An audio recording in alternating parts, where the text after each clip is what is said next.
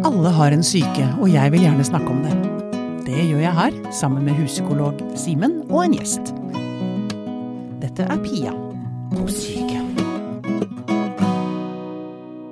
Det er mulig du er eh, litt for ung, Simen, men Charles Asnavour, vet du hvem det er? Nei, men takk for den fine starten. Han ja, er jo sånn fransk- litt Fransk crooner. Eh, Eh, Men han sa i hvert fall at uh, lykkelige mennesker er ikke interessante. Så det er spørsmålet mitt til deg, hva vil du helst være? Lykkelig eller interessant? Jeg kan ikke si begge deler, nei. Nei. Nei. Mm, nei, jeg vil jo helst være lykkelig. Ja, ikke sant. Og omgi meg med interessante mennesker, da. ja, ikke Ja. sant? Nei, jeg tror jeg ville valgt det, ja. Ja, Mm. jeg òg tror jeg ville valgt det. Mm. Um, ja, det, var, det var en veldig god løsning. Være lykkelig og omgi seg med interessante mennesker. Takk. Ikke så dum som du ser ut til, som min par ville sagt. Nei, godt er det. Sa jeg. Mm. Ja, vi skal dykke, vi skal hoppe ned i lykkepulen. lykkebassenget. Vi har fått besøk av Ragnhild Bang-Nes igjen. Velkommen hit, velkommen tilbake. Jo, tusen takk. Psykolog og seniorforsker ved Folkehelseinstituttet. Mm. Um, jeg vet at du ikke liker å bli kalt lykkeforsker, Ragnhild. Ja, det er Men, sant. men nå har du kommet med boka 'Lykkekuren', så nå tror jeg det løpet er kjørt. Ja, jeg burde kanskje tenkt litt mer, um, mer på akkurat uh, tittelen. Jeg, jeg skriver litt om det i starten på boka. Mm. At jeg ikke selv vanligvis bruker lykkebegrepet. Jeg har litt vært uh, opptatt av, eller likt veldig godt å bruke både hverdagsglede, Mm. fordi eh, det minner liksom om disse mm, gode opplevelsene som er liksom lett tilgjengelige, som er litt lavmælte eller lavstemte, kanskje. De enkle Mm. gledene i livet som jeg tenker er så utrolig viktige. Og så er jo jeg veldig opptatt av livskvalitetsbegrepet. Og det er kanskje ikke like sexy som eh, lykkebegrepet. Men, eh, men jeg tenker at et godt liv består av veldig mange ulike ting. Viktige opplevelser. Og så syns jeg det også minner oss mer om at, eh, at eh, det ikke bare er snakk om på en måte indre ting. Altså indre Enten det er personlighet eller egenskaper, men også peke på um, miljøet omkring oss. Ja. For jeg er jo litt opptatt av um, politikk og levekår og folkehelsearbeid og sånt noe. Mm. Så, og da snakker jeg ofte ikke om lykken, altså. Nei. Mm. Men kan vi da først definere, definere Altså lykke eh, for meg, Mm. det handler Altså lykke er sånne Det er sånne blaff, liksom. Man kan Mm. kjenne at man bare Man føler seg nesten rusa på livet av en solnedgang, eller Mm. at eh, ikke sant, at man eh, Ja. Det kan være aktiviteter man gjør, og plutselig Wow, nå er jeg helt Mm, lykkelig. ja. Men det varer jo i to og et halvt sekund. Eller er ti. Det er glimt i løpet av en dag. Ja. Det er glimt, Ja. ja. Fordi, og, og jeg tenker at hvis man søker, hvis man tenker at man skal være lykkelig hele tiden, da er man dømt til å bli ulykkelig. Ja, det er nok ikke mulig å ha den lykken hele tiden. Den er Nei. nettopp på en måte den kontrasten til hverdagen eller det grå eller det alminnelige. ikke sant? At Mm. vi plutselig opplever noe som er, skiller seg ut, Mm. og som vekker sterke, positive følelser. Mm. Og da er du avhengig av motstykket for å kunne oppleve kontrasten til det. Mm, ikke Mm. sant? Mm. Ja. Man trenger skygge for Mm. å se hva som er lys og så videre og sånn. Mm. Mm. Ikke sant? Mm.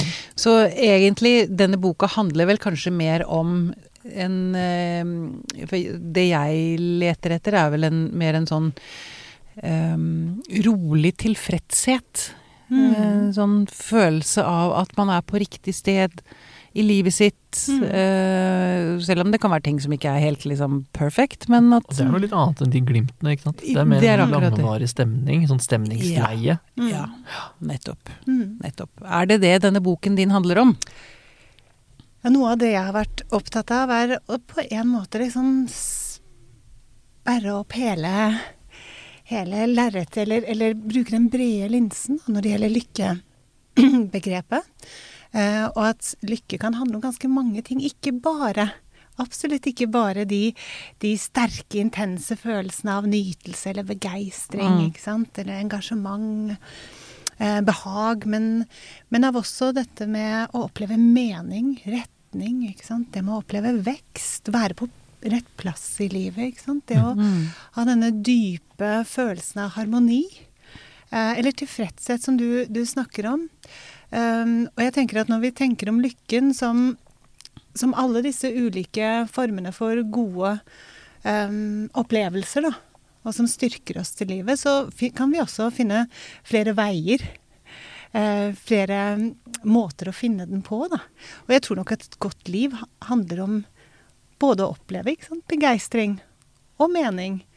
Og ikke minst det også ha, ha opplevelser som du snakket om, ikke sant. Mm. Når vi plutselig nesten dåner av en vakker Sprekker solnedgang, ikke sant. eh, Eller, mm. eh, Men, eller fantastisk musikk. mm, Mm. men sånn konseptuelt og opplevelsesmessig så snakker vi jo om helt forskjellige ting. eh, Med denne langvarige, mer Mm. langvarige følelsen, det å være virksom og føle seg rolig, at man er på rett sted og sånn, og Mm. disse små kraftige glimtene av intens lykke. Men vi Mm. kaller det fort det samme likevel. Det sier litt om hvor komplisert dette her er. Fordi vi leter etter dette her, da, men hva Mm. er det man leter Mm. etter? Mm. Viktig å få på plass noen definisjoner, kanskje? Ja, så er jo det veldig, veldig vanskelig. Og jeg, min opplevelse i de årene jeg har, har drevet med dette feltet, da, er at omtrent halvparten vil si som, eh, sant, som, eh, som du, Pia, at eh, det er disse intense eller disse plutselige glimtene av, av sterk glede, f.eks. Mm. Og selve ordet lykke kommer jo av dette liksom, um, lakk eller glykk, eller dette med noe heldig eller flaks. Flaks? Noe mm. plutselig som på en måte vi Lykke, opplever som lykketreff. Ja, ikke sant. Mm. Um, men så er det like mange kanskje som opplever lykken som det er med den dypere gleden, som Mm. kan vare litt lenger enn de to og et halvt sekundene. Mm. Men vi har jo vært eh, litt sånn opptatt av, og jobbet mye med eh, filosofer de siste par årene. Mm. Og, ehm, og der er jo De antikke filosofene var jo opptatt av lykken som noe helt annet enn en subjektiv på en måte følelse. Det handlet jo om um, Det var nesten som en slags sånn etisk viljeshandling. ikke sant? Å leve livet i pakt med både dyder og Mm. styrker og eh, ikke sant? etiske retningslinjer. Ikke sant? Det å oppleve vekst, da. Og leve i pakt med, med kardinaldydene kanskje særlig, som det å være rettferdig og og, ha sånn. mot og, og vise måtehold osv. Og jeg har tenkt at eh, og det er noe som kanskje er subtilt, altså, som ligger under i boken der, eller kanskje mer eksplisitt også, eh, dette med lykken som ikke bare er en slags sånn positiv følelsestilstand, da, men, men også en opplevelse av vekst, av retning. Ja. Av det å utvikle seg, som, som, er, som, som der er så veldig sentralt for, for uh, den antikke filosofien, f.eks. Ja, så den gangen så var det vel egentlig mer snakk altså da, da kunne det nesten gjøre litt Det var smertefullt, egentlig, da. Altså det å vokse og utvikle seg, det kan jo være krevende. Ja, det kan jo absolutt være, være krevende, ikke sant. Mm. Uh, For å vokse så, så trenger vi kanskje en del utfordringer og møte motstand. Og, og kanskje er det ikke sant, motstanden som vi, eller motgangen som vi iblant vokser aller mest på. Mm. Um, så kanskje innebærer et lykkelig liv også nødvendigvis at vi, at vi møter utfordringer på den måten. Mm. Men også at vi søker mot altså at, Ja. Som du sier, altså det å utvikle seg, lære noe nytt. Ta utfordringer, ikke sant? Ta utfordringer, eh, gjøre ting man er redd for. Ja. Og da beveger vi Ja. oss litt inn i det området som vi brukte noen uker på tidligere, det med eksistensialismen og Mm. Mm. hva som er uh, den store meningen, og Ikke sant? hvordan det Mm. kan uh, gi et bedre liv. Mm. Minner meg om den der, jeg har nevnt den sangen før. Um, uh, Bass Lerman. 'Everybody's free to wear sunscreen'. Han, inni der, det er sånne råd fra en sånn Klara Klok som ble samlet. Hun samlet alle Mm. forskjellige råd hun hadde gitt over mange år i et ukeblad. Okay. Og så ga han det ut som en sang.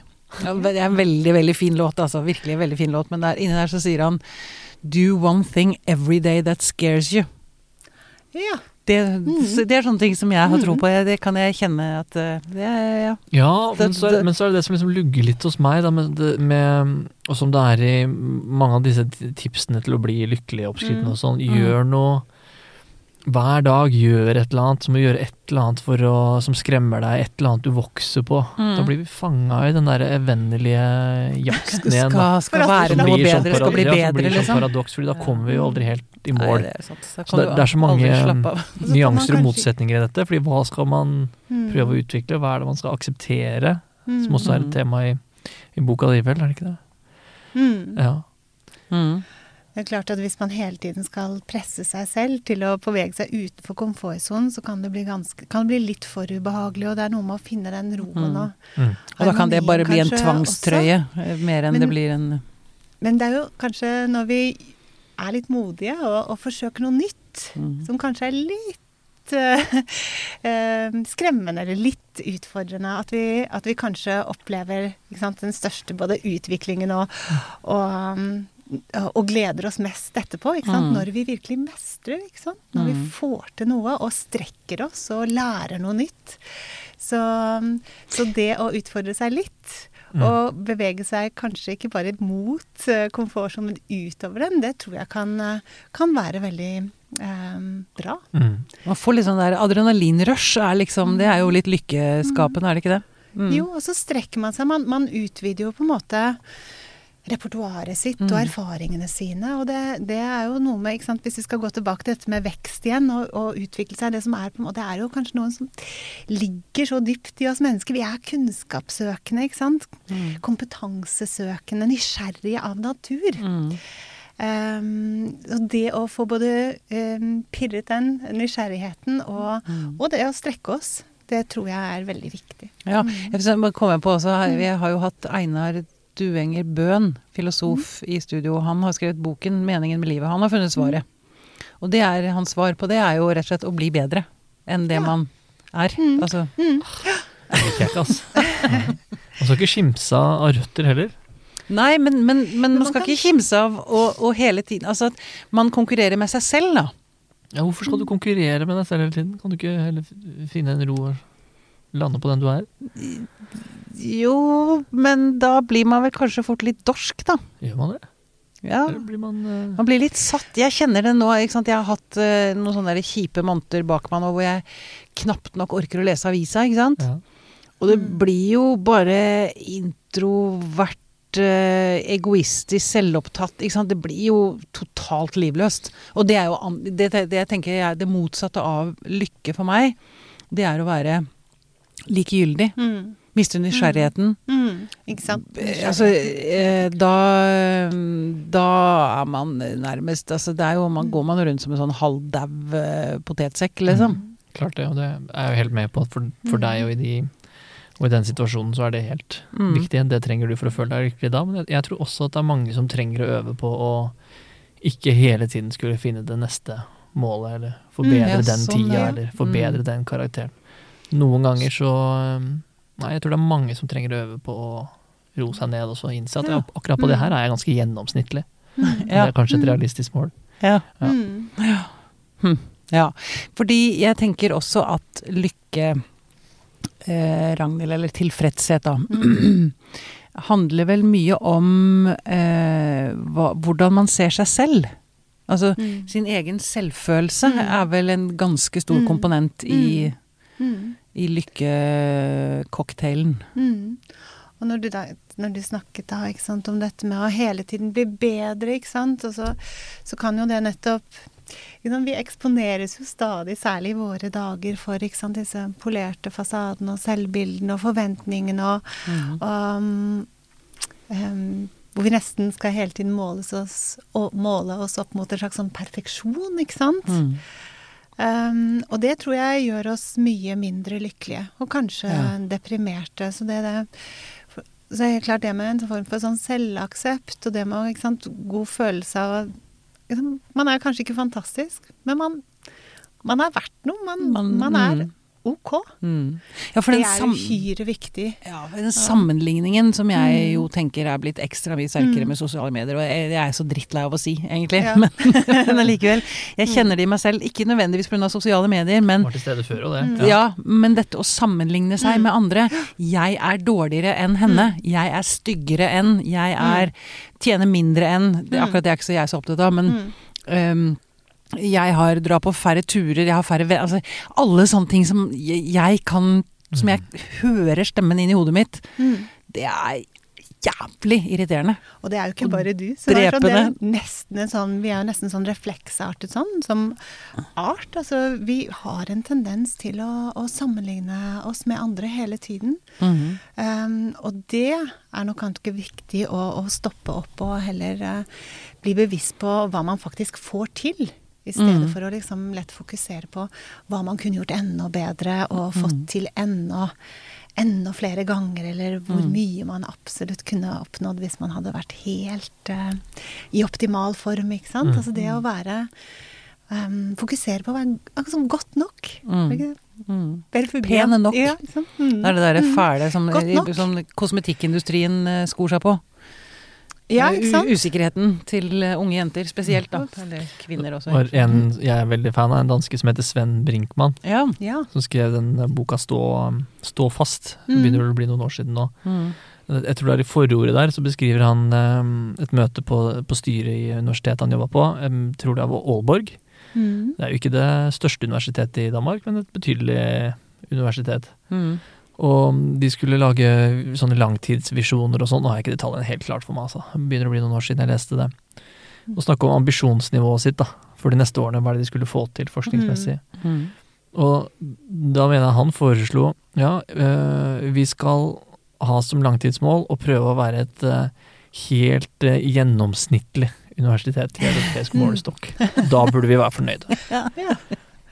Som er ganske realistisk er med tanke ganske- på sikkert økonomiske virkeligheter, eh, hvilke, mm, hvilke fagpersoner du kan tiltrekke deg. Det hadde sikkert vært ganske godt, men det ble jo, det landa jo ikke akkurat i god jord, det. Ingen Nei. som vil ha det som Det går oss litt imot å Ja, ha ja. det som langtidsvisjon. Være gjennomsnittlig. Bare helt midt på treet. Ja. Mm. Men det er ganske det er troverdig, det er det kuleste. Hadde noen skrevet det på et universitet Vi er helt midt på treet. Mm. Istedenfor å være Vi er best i verden! Ja, altså det er noe med å ha liksom, visjonene og ha noe å strekke seg mot og ha noen mål. For jeg tror det, kan, det er jo veldig motiverende. Mm. Uh, men så er det jo også så uhyre viktig å, å, å nettopp kunne kjenne på hva man faktisk får til, og, Mm. og ha på en måte måtehold, da. Eller, Mm. eller uh, være tilfreds og fornøyd med, med det som dagene faktisk byr på. Den Mm. man er. Mm. Det er den balansekunsten som jeg Mm. tror Mm. vi sliter veldig med Mm. som samfunn i dag. Fordi vi får signaler om Mm. begge retninger. Mm. Vi må jobbe med ok, det er, det er dydig om dagen å kunne gi faen og være litt annerledes og ikke bry seg om folk og sånt. Det liker vi å skryte av om dagen. Mm. Mm. Samtidig så blir vi jo bombardert med måter vi kan forandre oss på. Ja. I koronatida skal vi ta videreutdannelse, og du kan laste ned apper for å lære spansk. Og, Ja. Ja. Uh, Ja. Ja da. Jeg ser den. Men jeg syns også jeg vil litt tilbake til det du snakket om i antikken. eh, At Ja. der handlet lykke om å uh, utvikle seg. Uh, mm. Men jeg tenker på for Lykkebildet vi liksom har i dag, da, det er jo å ligge på en strand med en paraplydrink. Kanskje ekstra nå i disse dager. Mm. Ikke sant? Det er jo å nyte, drikke alkohol, spise godt. Ikke sant? Det er bare Det er det liksom som er lykke Bildet på lykke, da. Mm.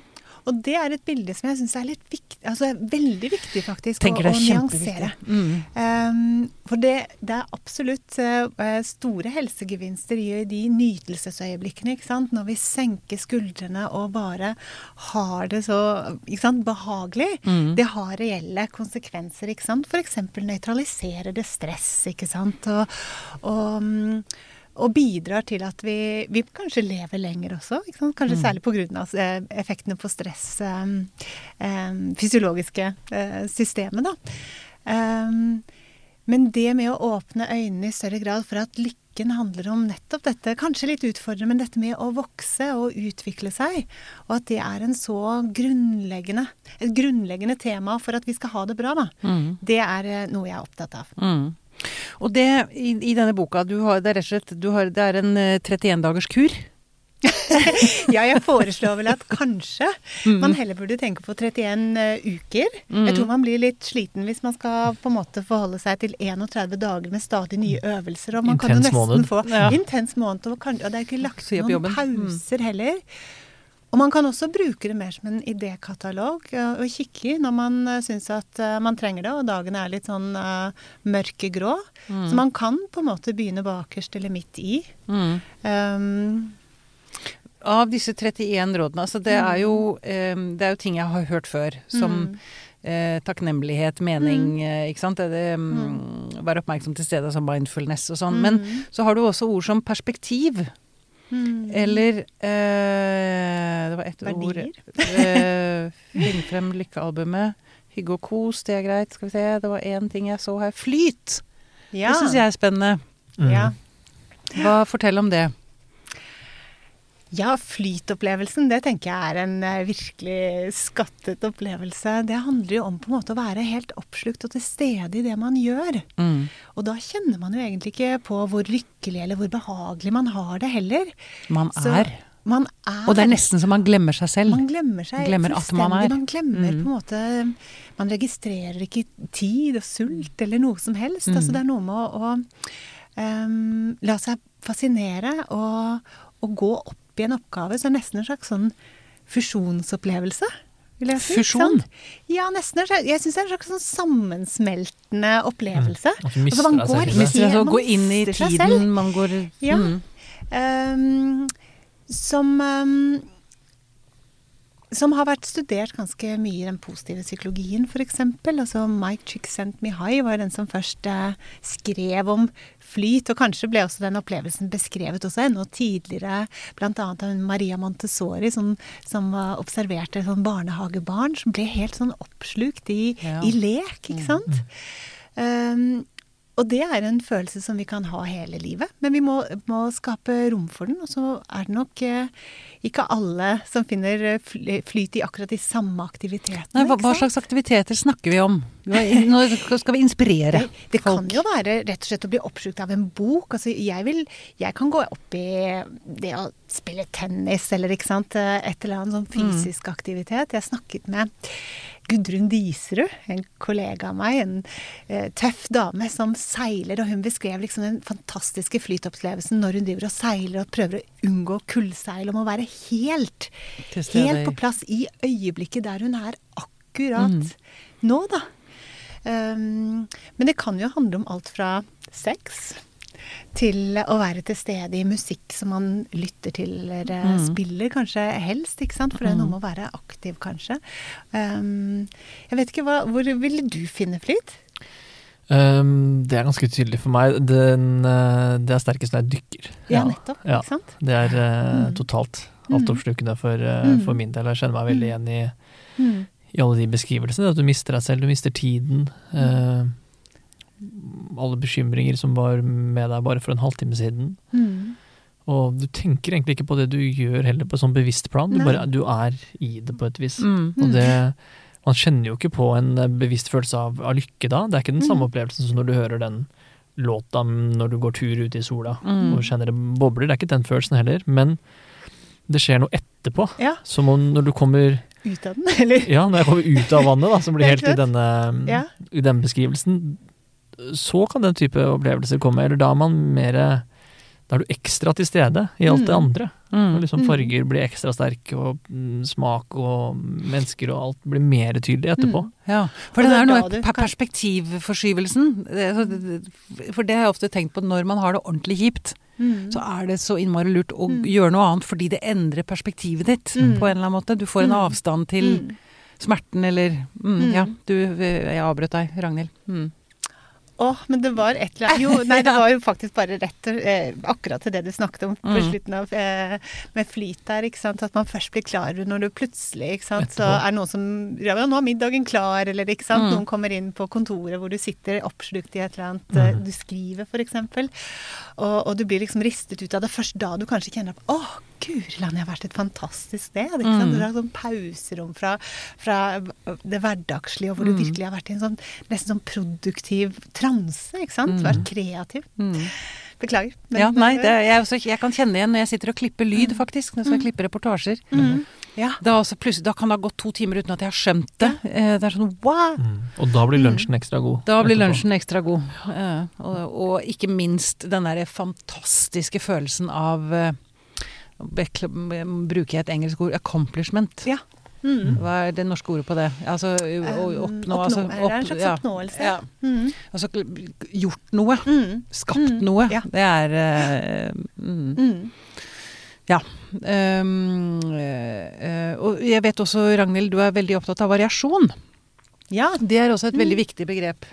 Ja, på, på en måte så denne boka så er variasjonen blitt et slags sånn tema, ikke nødvendigvis eksplisitt uh, uh, i alt, men altså det er jo variasjon i temaer, f.eks. Uh, I litt sånn uh, litterær stil, kanskje. Noen av eh, kapitlene er mer sånn eh, forskningstunge, mens andre er, eh, er eh, mer illustrerende fortellinger fra eget liv. Eh, Men jeg er opptatt av variasjon i forhold til bl.a. at vi er forskjellige. Og det er jo noe jeg har jobbet mye med den forskningen min også med, med gener og miljøfaktorer. Vi er Vi, er, vi varierer. Mm. Og derfor er det ikke ett svar på hvordan vi skal finne lykken eller gleden. ikke sant? Og det blir også viktig da å, å stoppe opp og prøve å identifisere for seg selv. Hva er det som er viktig for meg, eller hvor finner jeg glede, eller hva, hva er det som gir meg noe? Um, så variasjon i forhold til hvem vi er, og, og at vi, vi trenger litt sånn å stake opp vår egen kurs. Og det kan jo være både i forhold til det indre og det ytre, ikke sant. Altså hvilke muligheter har jeg i min hverdag til å få det bedre, ikke sant. Mm. Eh, Men så er det jo dette med også at vi er, vi er jo vanedyr. Vi har utrolig lett for å på en måte um, havne på autopilot. Mm.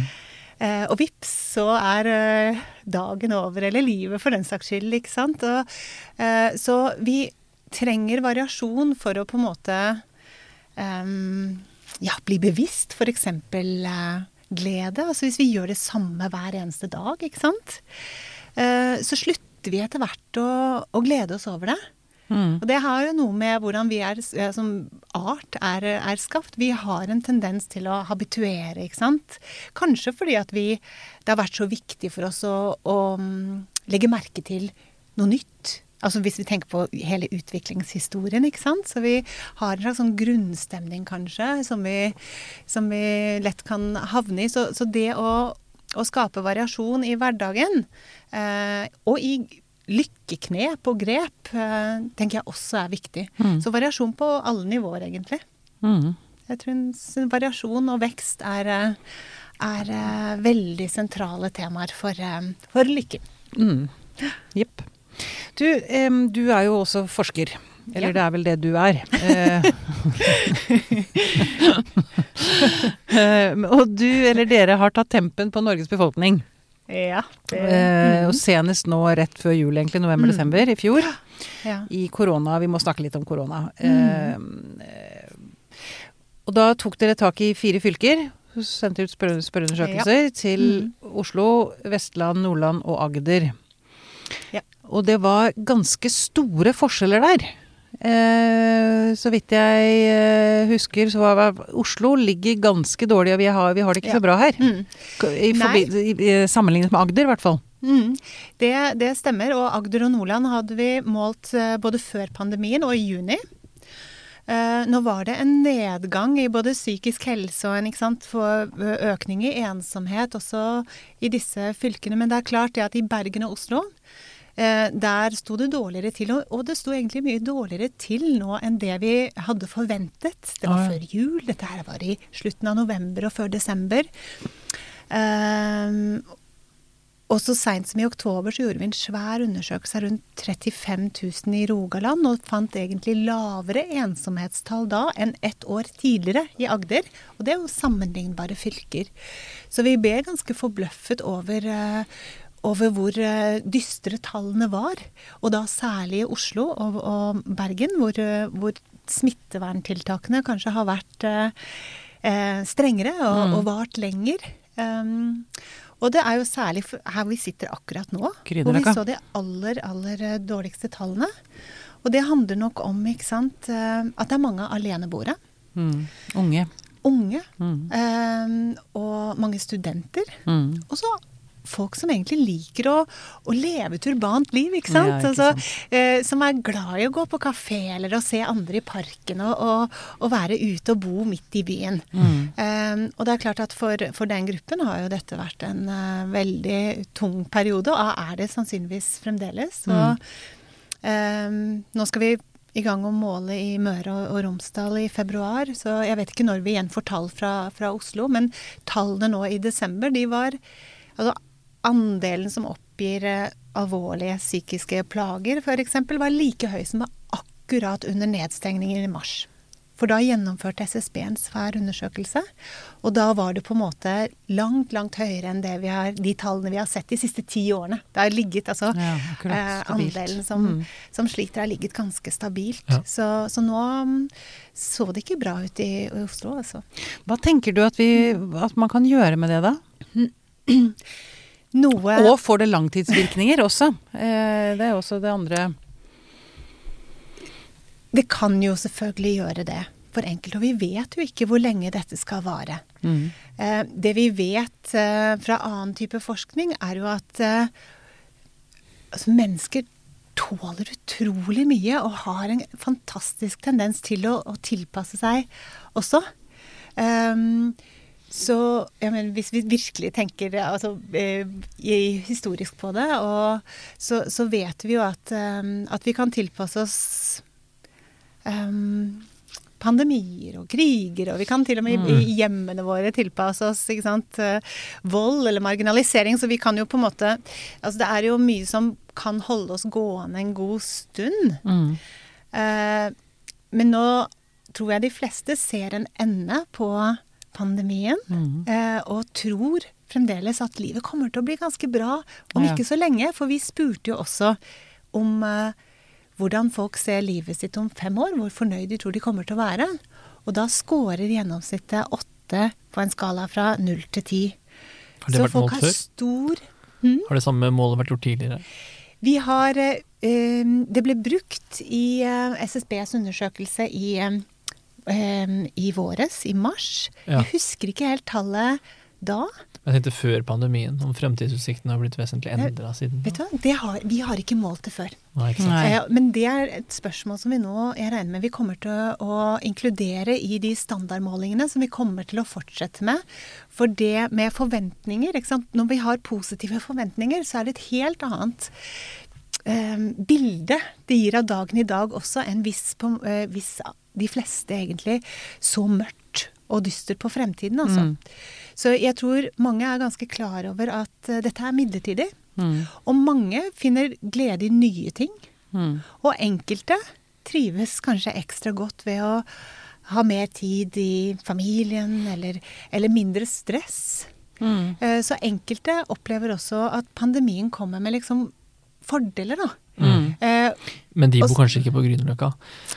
Nei, og, og vi Mm. spurte faktisk om det også i den undersøkelsen i desember, om mm. hvor mange som uh, syntes at livet deres var bedre nå pga. pandemien. Og det var en andel som var veldig lav, jeg lurer på om det var 3% eller noe sånt. For i våres så ble det spørsmålet stilt i en undersøkelse i Storbritannia av 4000-5000 briter.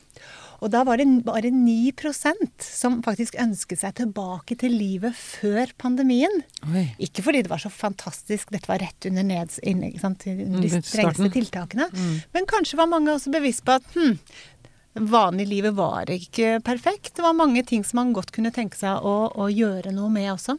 Mm. Men jeg tror nok de fleste, eller mange, selv om de, ikke, selv om de fremdeles da ikke ønsker seg Eller eh, selv om folk nå ønsker seg tilbake til livet som det var, um, så er det er det mange som tross litt tunge dager og litt ensomme dager også opplever at hverdagene har noen positive sider. Så det er en liksom blandet følelse, da. Mm. Det er, noen ting at er bedre, og noen ting er ja. Verre. Jeg merker at jeg har blitt mer opptatt av, faktisk blitt mer opptatt av små ting. Altså jeg har Ja. blitt mye mer oppmerksom på ting som Ja. gjør meg glad, da. Ja. som kanskje gikk meg litt hus forbi Ja. før, for jeg hadde ikke tid Ja. helt til å Men så lurer jeg på, Ja, er kan, det, kan, altså. kan det hende at vi får en sånn, sånn lykkeboost da, når det begynner å normalisere seg? At Ja, folk blir helt deliriske, liksom? Ja, men det er jo noe vi tilpasser oss hele tiden. Som du sier nå, du, eh, du, du liksom opplever mer glede av enkle ting som du Mm. nesten ikke la merke til før. Jeg har jo vært innom kontoret, og så ser jeg en kollega, og så har jeg ikke sett nesten noen på så mange måter. Så jeg er jo liksom overveldet. Så jeg får lyst til å kaste meg om halsen. Ja, der, ja, liksom. ja, ja. Eh, Vi omtaler vel 20-tallet som roaring twenties, Ja, eh, liksom mellomkrigstiden etter krigen over verden har vært et helvete, og så ser man jo at det plutselig er eh, Tok det mye helt av på da. kunstfronten og rabiate ja. mm, Nei, så jeg tror nok livsuttrykk. mange, Mm. Det kommer til å bli gjevt å kunne gå ut og sette seg på kafeer når det liksom, løvet spretter og våren kommer og du Og klemme folk og ja. Og trange konserter skulder til skulder. Ah, ikke minst. Ja. Ikke ja, det minst. gjør oss mer bevisste Mm. på mm, ja. Det var en annen ting som du sa som jeg syns var veldig interessant. Um, de som før fløy veldig høyt, de glamorøse, ja. eh, de At eh, psykologer eller terapirom ser en ny gruppe som nå Mm. trenger hjelp, fordi Mm. de, de har virkelig møtt veggen. Det er noe med ja, å falle at det er jo nye grupper som, Mm. har, som har havnet hos eh, terapeuten. Mm. Eh, og noen som faller fra. Noen har funnet, uh, funnet em, tilbake til hverandre, f.eks. Eller har hatt det bedre også, eller ikke lenger følt behovet for, for behandling. Men så har du de som kanskje har levd et veldig høyt svev, de som har reist masse og levd virkelig Masse fester og konserter Ikke og sant? mm. Utland og Mm. Ja. Um, som plutselig møter veggen. Ja. Um, og syns det er veldig, veldig vanskelig med de begrensningene som man lever med nå. Så det Ja. De Mm. monotone dagene, da. Mm. Mm. Og vi ser jo i og for seg i noen av dataene våre også, i Folkehelseinstituttet, at det er uh, at andelen av de som på en måte har vært mest blomstrende eller skåret høyest da, på livskvalitetsmålene um, Selv om det er en, en vesentlig stabilitet i hvordan vi, vi har det, og, og mange fremdeles har det veldig bra, så er det en ganske stor andel som nå er mer moderat eh, i sin livskvalitet. Da. Mm. Eh, Så andelen som vi har kalt blomstrende, eller sant, som veldig, sånn fulls- veldig god på det, psykisk helse, eller som vi har kalt lykkelig, hvis vi, ja, Mm. vi kan kalle det lykkelig her, eh, på 40 eh, er redusert med 16 eh, Ja. nå i november-desember-dataene våre. Da. Mm. Så den gruppen har fått seg et smell. Folk si. er blitt likere. Man har kanskje Mm. ikke så forferdelig, man er, men man er blitt mer sånn fornøyd. Men, for, eller fornøyd med, med litt uh, bekymring Mm. Men de, Mm. treffer, eh, de treffes naturligvis hardere enn Mm. de som uh, fungerer vesentlig dårligere og som ville kommet langt ned på deres Mm. lykkemål, antar jeg, før pandemien. Fordi min reaksjon da, er min erfaring da, med de som strevde veldig i utgangspunktet. Mm. Eh, Ved den første lockdownen så var det litt sånn ja, velkommen til min verden. Dette er Ja, ikke noe nytt for meg. Ja. Nei, og man, de følte seg mer normale. Ja, Altså, det de var normaliserende inkluderte. å se Mm. også disse Mm. andre mer vellykka, som de kanskje har um, mer misunt før, se å ja, dere tåler ikke isolering så godt, dette er ikke dere vant til. Mm. Welcome Sånn to som my jeg har hatt i world. flere år. Altså, Mm. Ja. Absolutt. Mm. Så for, det blir en, uh, en, um, en smalere fordeling. Folk blir likere. Ja. Nettopp. Folk blir Mm. likere. Og livskvaliteten også. Vi, får li, vi blir likere i livskvaliteten, er det vi har sett Ja. i våre, Mm. våre data. Og det vi så fra før pandemien og til juni, i hvert fall, var at de gruppene som da var mest ensomme eller mest is sosialt isolerte før, de var fremdeles de mest ensomme og, og som var mest aleine, også i juni. Men, men eh, de hadde allikevel den minst negative utviklingen, da. Yep. Ikke Ja. sant? Det, var, det var mindre avstand til Ja. de som tidligere var Ja. veldig langt unna. Mm. Og det er jo, jeg har jo skrevet en god del om det at sånn, hvis man skal gjøre noe med ulikheten mellom folk, så det eneste som man historisk sett eh, har, har sett virke, er jo på en måte kriger og pandemier, altså, som rett og slett gjør oss, gjør Likere. oss likere. Mm. Og, og på godt og vondt, da. Altså. Mm. Men mm. um, vi er litt, satt litt tilbake til 70-tallet, hvor vi har litt likere liv. Og vi har, hadde én TV-kanal og ikke importerte matvarer fra spenstige land eh, Mm. langt borte fra og sånt noe. Um, Har vi noen eh, Det er bare i og med at vi er, i dag er, blir dagsaktuelle, i og med at vi spiller, den, spiller inn denne episoden samme dag som den legges ut. Nå er det muterte viruset begynt å ta av. ja. Eh, hva, hva slags konsekvenser for det eh, tror vi? Jeg skjønner at det ikke er noen klare svar på det, men det, Du Fordi- sa jo det når vi, når vi satte oss ned ved mikrofonen her, så sa du Mm. har du sett den siste nyheten, eller? mm, Og så sa jeg nei. Mm. Og- Nei, jeg hadde ikke fått det med Nei. meg heller. Nei. Men jeg så Fauci hadde uttalt seg om det. mm. Så jeg Ja. har fått med meg USA-nyheten. Mm. For dette, Mm. jeg- Vi snakket litt om det før vi gikk inn her også, dette med at for En ting er at vi er blitt likere, men det er også en Det har i hvert fall jeg kjent på en sånn følelse av at nå er vi alle i samme båt. Mm. ikke sant? Det blir en slags Mm. fellesskap i det, da. Mm. Og frykt kan jo også gjøre det med oss. Jeg regner med at frykten kanskje stiger nå da når det muterte viruset Man ser ikke helt hvordan det beveger seg, hvordan det smitter.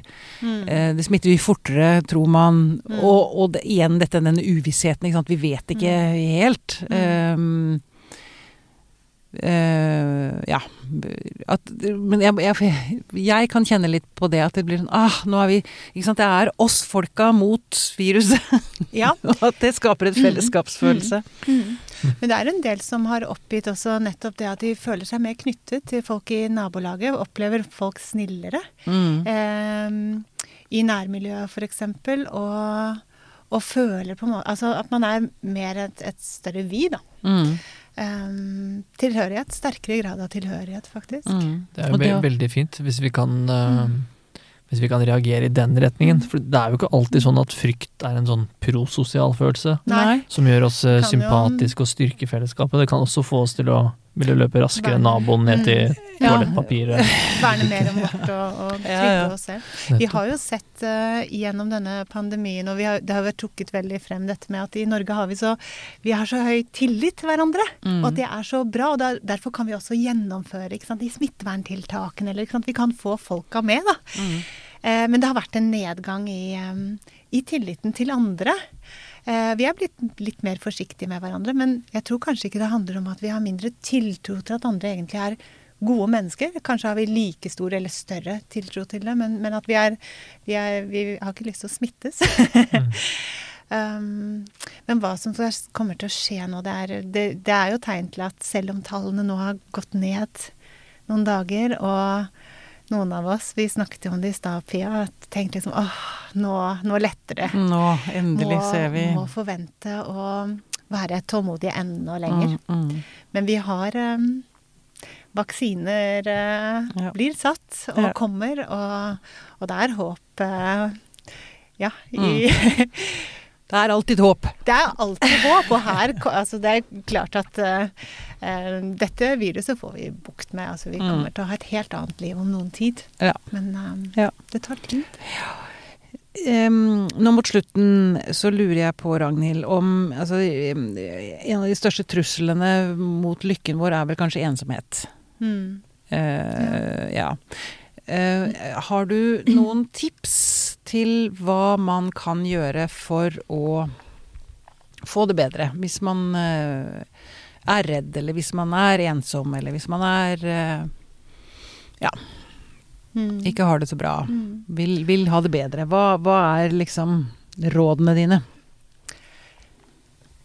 Igjen tilbake til litt av det jeg snakket om i stad. Det er, er vanskelig å gi råd som virker for alle, men at vi mennesker, selv om vi har ulikt behov for andre mennesker, og ikke alle er like sosiale og trenger like mange rundt oss, så er vi, vi er flokkdyr og, og har behov for hverandre. Og nå er vi begrenset i veldig stor grad av denne pandemien og smitteverntiltak. Og det er ekstra vanskelig om vi bor alene. Det er jo virkelig noe vi ser i, i, eh, i dataene våre. At eh, de som eh, er aleneboere, har det mye vanskeligere.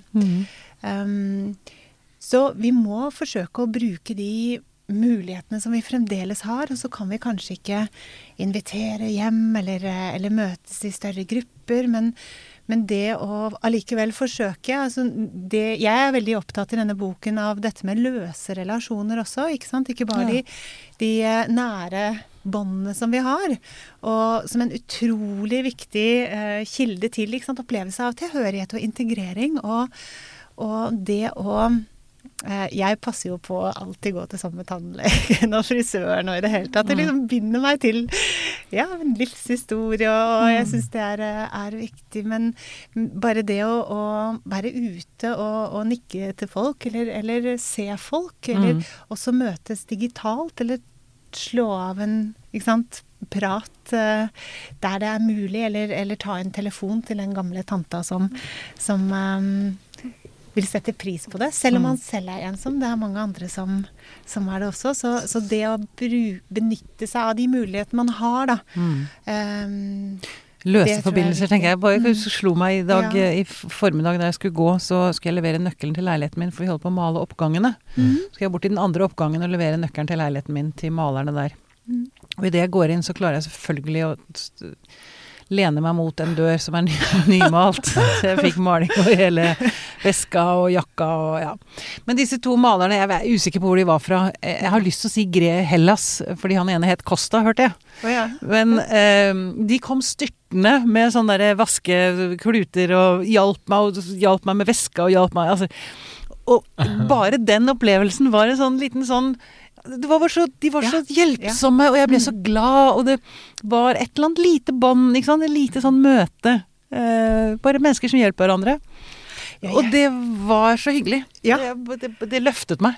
Selv den den lille ulykken førte til et løft. Ja, ikke sant. Mm. Jeg hørte faktisk av en kollega som snakket om at eh, Jeg vet ikke om det var Transportøkonomisk institutt eller eh, Noen hadde i hvert fall eh, eh, publisert eh, eh, nyheter om at folk nå savnet pendlingen sin. Og vanligvis, som, sant, i livskvalitetsfeltet, så, så er det med å pendle sett på som en eh, Altså folk opplever det lite lystbetont og, og lykkebringende. Mm. Eh, og det handler sikkert om flere ting. Ikke bare at det kan være kjedelig å stå og vente på trikken eller stå på et fullt tog, men også at folk har ikke så mye fritid.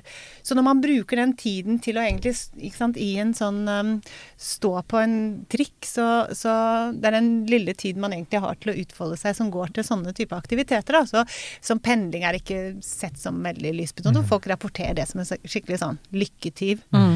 Um, men kanskje det- er Men det savner de nå. Det savner vi. ja, tydeligvis. Jeg, har ikke, jeg vet ikke helt hva slags datasett dette var snakk om, men i hvert fall at det er noe som folk begynner å virkelig se ut til å savne. Da, ikke sant? Åh, bare det å være ute blant folk. Mm.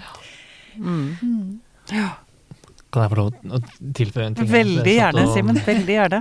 var litt i magen min. Da, dette med, jeg kom vel på når du sa dette med pendling, for jeg Ja. syns det er en ting som alltid bør nevnes når vi snakker om eh, lykkegrep, og liksom Mm. håndverk i lykke, og hvordan vi kan få til det, og mm, livsmestring, som har blitt et tema og sånt, Mm. Mm. så, så må vi også få fram eh, dette med sosiale forskjeller og Mm. urettferdighet, Mm. og Mm. de som er i marginaliserte grupper.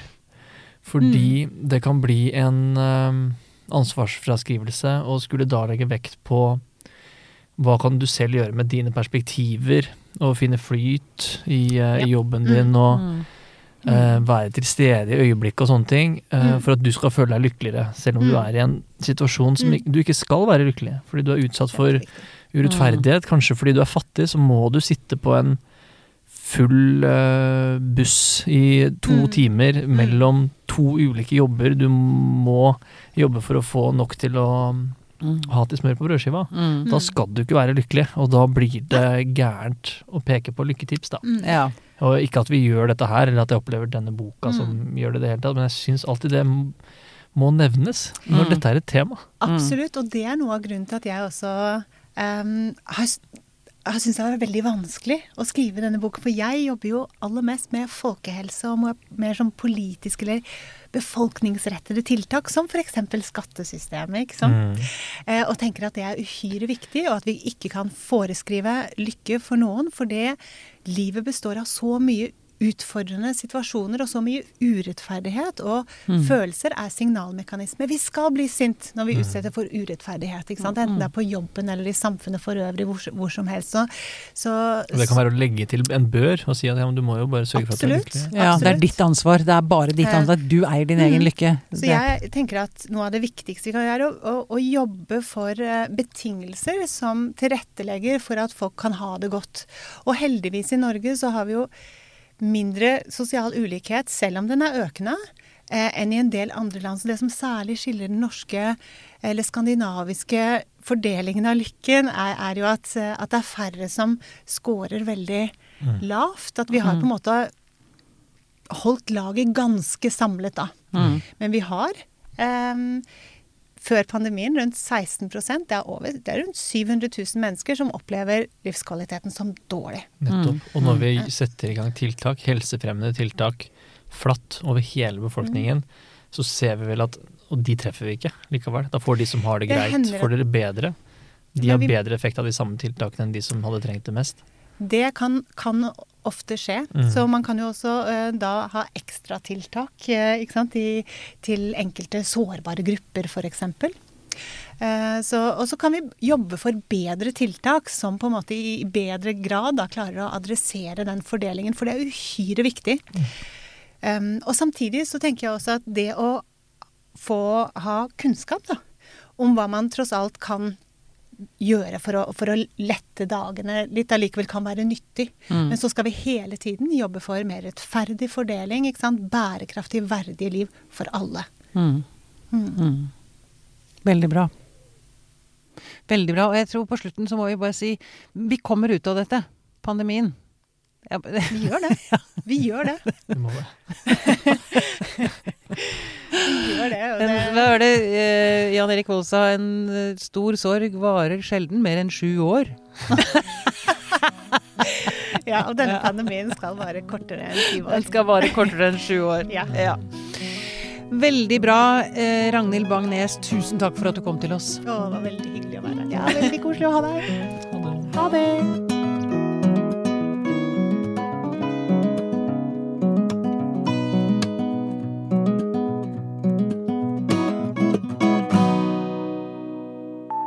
Podkasten er produsert av Tid og Lyst. med støtte fra stiftelsen Kåre Berg.